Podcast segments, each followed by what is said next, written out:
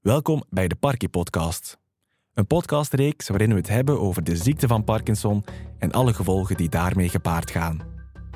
In deze aflevering hebben we het over de rijgeschiktheid na de diagnose. Want het klinkt misschien als een verrassing, maar na de diagnose moeten patiënten in principe meteen hun rijbewijs inleveren.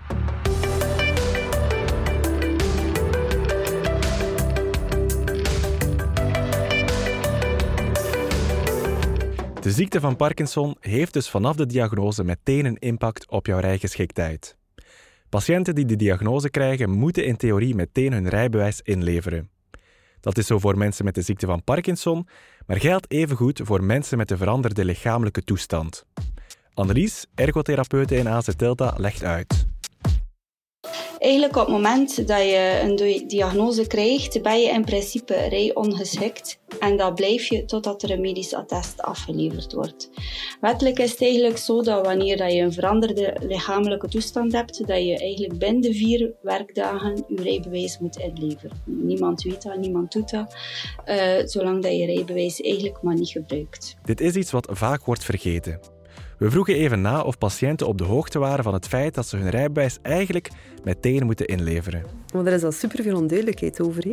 Want als ik naar het stadhuis ging, wisten ze ook maar halve dat zat. Ik ben bij de politie geweest om uh, ja, in die tegen mijn auto gereden en ik had dat dan ook gevraagd. En die wisten ook maar halve dat dat zat. En, ja. Ik was er eigenlijk helemaal niet van op de hoogte, dus ik heb... Ik had al vier jaar de diagnose voor. Ik wist dat je eigenlijk, van zodra dat je de diagnose krijgt, uh, moet langsgaan hè, bij de neuroloog? Nee, eigenlijk niet, want het blijkt dat wij niet meer zo mogen met auto rijden. Het is duidelijk, daar bestaat nog heel wat onduidelijkheid over. En daarom gaan we daar deze aflevering dieper op in. Je moet dus vanaf je de diagnose ziekte van Parkinson krijgt, meteen jouw rijbewijs inleveren. Als je dat niet doet, heb je geen geldig rijbewijs en dus in principe ook geen geldige verzekering. Daar staan ook boetes op, en daarom is het altijd beter om ook meteen de verzekering op de hoogte te brengen. Maar oh, wacht eens even. Wil dat dan meteen ook zeggen dat je nooit meer met de auto mag rijden? Nee, zeker niet. Je kan een attest krijgen via je arts of neuroloog die dan verklaart dat je wel nog kan en mag rijden. Annelies legt uit. Wil je blijven rijden, dus dan heb je een uh, medisch rijgeschiktheidsattest nodig. Die kan je verkrijgen via je arts of je neuroloog. Uh, en daar kan je eigenlijk per rijbewijscategorie rijgeschikt verklaard worden. Wil je enkel de auto, dan kan dat enkel voor de auto. Wil je een moto, wat dan nu misschien wel minder van toepassing is, maar dat kan ook. Um, het model 7, want zo noemt dat de medisch attest, kan in feite door elke arts ondertekend worden. Dus dat kan ook via de huisarts, hier misschien gemakkelijker via de neuroloog. En dat is dan al dan niet met beperkingen of met voorwaarden, bijvoorbeeld een uh, beperkte helderheidsduur of een uh, kilometerbeperking, dat ze zeggen van je mag maar in een straal van 20 kilometer rond je huis rijden ik wist naar die volgehouden aandacht dat dat wat moeilijker is, dan wordt er zo'n beperking opgelegd. Twijfelt de arts of dat je rijgeschikt bent, dan gaat hij je doorverwijzen naar het CARA. Um, en zij gaan dan beslissen via een rijtest en een paar uh, testjes of dat je nog rijgeschikt bent. En zij geven dan de beslissing door uh, per post. En dan met die brief of met je model 7 moet je naar het gemeentehuis om een nieuw rijbewijs te halen. Een hele boterham die er dus plots nog eens bij komt na de diagnose. Misschien nog eens hernemen, maar stap voor stap.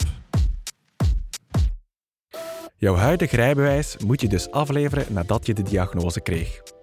In plaats daarvan kan je een nieuw rijbewijs verkrijgen met een beperkte geldigheidsduur of bepaalde beperkingen. Waarom precies? Wel, zoals we ondertussen al weten, is de ziekte van Parkinson een neurodegeneratieve aandoening waarvan je niet kan genezen. De ziekte zal dus een grotere impact hebben naarmate je ouder wordt en zal dus ook een grotere impact gaan hebben op jouw rijgeschiktheid. Daarom is jouw rijbewijs telkens geldig voor x aantal jaar. Voor dit nieuwe rijbewijs heb je dan ook een rijgeschiktheidsattest nodig. Dit attest kan je vragen aan je arts of neuroloog. Caroline, 43 jaar, kreeg vijf jaar geleden de diagnose en eigenlijk vindt het ook logisch dat je een medisch attest nodig hebt om je rijbewijs te vernieuwen. Vond dat eigenlijk wel logisch, want ik heb uh, een jaar of twee geleden een keer een, uh, een kleine aanrijding gehad uh, met iemand, gewoon bij het verlaten van een parkeerplaats. En daardoor wel gestresseerd geworden. En, dat was samen met een bejaarde man. En wij stapten allebei uit onze auto. Wij gaan daar zitten op een bankje, dat was bij ons op dorp. En we zaten allebei te schudden en te beven op dat bankje. Het was eigenlijk wel grappig om te zien, want we hadden allebei hetzelfde probleem, duidelijk. Alleen was die mens 80 of zo en ik nog geen 40 op dat moment. Maar toen heb ik mij wel de bedenking gemaakt, stel dat hier nu iemand anders uh, tegen mij rijdt en die persoon zegt, ja, maar ja, er is hier iets met jou aan de hand. Uh, ja, kan dat dan zomaar? En kunnen ze dan misschien denken van die persoon is niet meer volledig in staat om te rijden? Dus ik had mij die bedenking wel zelf gemaakt van ja, waarschijnlijk zal er misschien op een gegeven moment wel een, een, moment komen van... Uh, dat dat moet bekeken worden samen met de verzekering. Dus ik vond dat eigenlijk geen beperking, omdat voor mij ook nog geen beperking inhoudt. Uh, het enige verschil is dat ik nu iets meer administratieve last ervan heb, dat ik een keer meer over en weer moet lopen. Maar ja, als dat het enige is, dan heb ik liever dat het op die manier geregeld kan worden. Ja. Zoals Caroline het beschrijft, voor haar is dit geen beperking. Het enige wat erbij komt, is wat extra administratie. En Caroline is geen uitzondering. Vaak zien we bij Parkinson-patiënten dat ze in de eerste jaren na hun diagnose gewoon verder met de auto kunnen blijven rijden.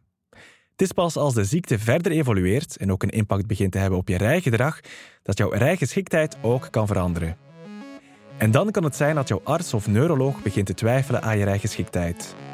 Twijfelt de arts of dat je rijgeschikt bent, dan gaat hij je doorverwijzen naar het CARA. Het wat? Het CARA. Dat is een specifiek departement van het VIAS. Ergotherapeut Annelies legt uit. VIAS is het uh, vroegere BVV, het Belgisch uh, Instituut voor Verkeersveiligheid. En het CARA is daar een onderdeel van en dat is het Centrum voor Rijgeschiktheid en Voertuigaanpassing. Bij twijfel zal het CARA je rijgeschiktheid gaan testen. Maar wat kan je nu verwachten van zo'n test? Als je naar het CARA moet, uh, moet je ten eerste een medische vragenlijst laten invullen. Een gedeelte door de kandidaat zelf en een gedeelte door de arts. Um, als je dan naar hier komt, want sinds mei komt Cara ook hier testen, uh, hier in de Brusselsteeweg. Dan uh, komt, is er eerst een kort gesprekje met de kandidaat, ook voor zo op hun gemak, te staan, want dat is, uh, de meeste mensen hebben er wel wat, stress voor. Um, dan kan er wat kracht- of coördinatietesten zijn. Een oogtest kan er ook een keer bij komen. Um, en dan wordt er effectief een praktische test gedaan op de openbare weg. Altijd met de auto van het Cara, omdat hij ook pedalen heeft, moest hij moeten ingrijpen.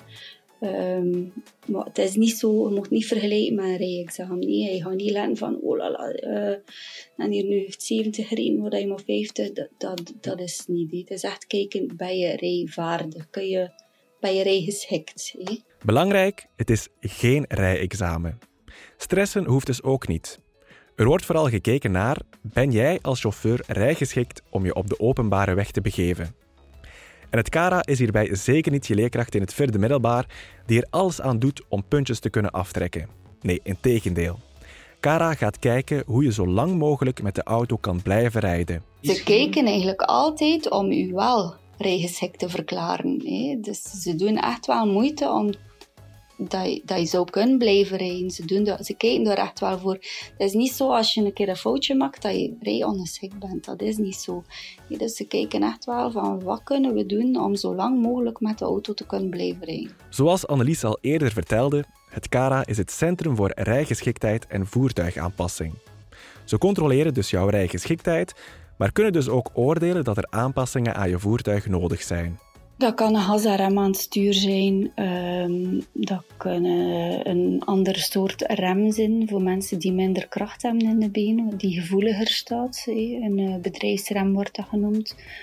Um, automatische versnelling, um, maar met een bediening aan het stuur. Dat kan dat zijn de, de ruitenwissers, de pinkers op het stuur, op een bol kan eigenlijk heel ver gaan. Een fietsstuur kan zelfs in een auto geplaatst worden. Eh, een joystick kan, uh, ja. Als er mensen zijn die een aanpassing nodig hebben, die bijvoorbeeld uh, met een automaat moeten rijden, um, maar gas en rem wisselen van plaats. Die kunnen eventueel ook een, uh, gewoon een plaatje laten voorzien ervoor, zodanig dat de partner ook nog kan rijden. Je merkt het, er is heel wat mogelijk en altijd is het doel hetzelfde. Jou als persoon zo lang mogelijk met de auto laten rijden. Maar dan rijst er natuurlijk ook de vraag: moet je die aanpassingen aan je auto allemaal uit eigen zak betalen? Wel, daar gaan we het over hebben in aflevering 8. Stress voor zo'n rijgeschiktheidstest mag dus gerust achterwege blijven.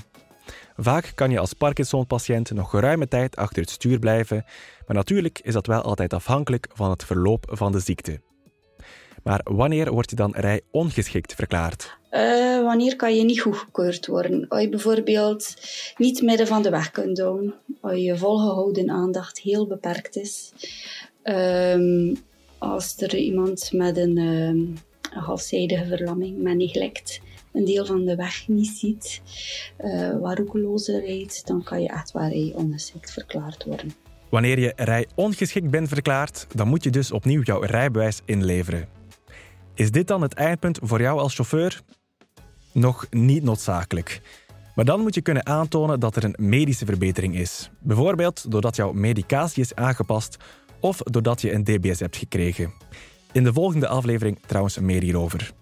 Maar als je dus kunt aantonen dat jouw medische situatie is verbeterd, dan kan je jou opnieuw laten testen. We zijn nu al de hele aflevering met de auto onderweg geweest. Maar verandert er dan iets voor jou als je bijvoorbeeld met de fiets op weg wil? Of met de speedpedelec? Uh, voor een speedpedelec heb je een rijbewijs nodig. Heb je een helder rijbewijs nodig. Dus als je geen rijbewijs meer hebt, mag je ook niet met een speedpedelec rijden. Dus uh, dat is misschien wel een belangrijke.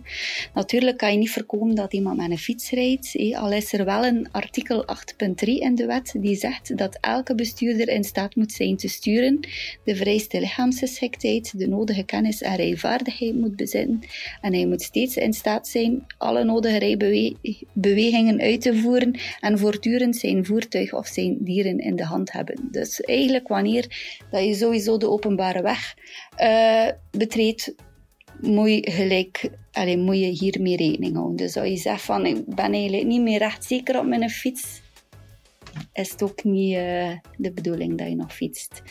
Een scooter, elektrische scooter, heb je geen rijbewijs voor nodig, maar weer geldt dat artikel 8.3. Um, ehm, een step, hetzelfde. Ja. Even samenvatten. Verandert er veel op vlak van rijgeschiktheid na de diagnose? Niet noodzakelijk dus. Je moet jouw rijbewijs inruilen voor een rijbewijs met beperkte geldigheidsduur, maar kunt dus na controle bij je arts of neuroloog gewoon met de auto blijven rijden. Twijfelt de arts? Dan ga je langs bij het CARA. Daar zullen ze jouw rijgeschiktheid testen en kijken wat je kan doen om zo lang mogelijk met de auto te blijven rijden. Zoals Caroline het in deze aflevering omschreef, het is dus niet per se een beperking, maar je hebt alleen wat extra administratieve last. Het is al enkele keren aangehaald geweest, de ziekte van Parkinson is een neurodegeneratieve aandoening die ongeneeslijk is. En toch is een ingreep mogelijk die een impact heeft op het verloop van de ziekte. Een DBS of Deep Brain Stimulation of een pompsysteem. Wat dat exact is en hoe je die beslissing maakt en wat de impact is op het dagelijkse leven, dat hoor je in de volgende aflevering.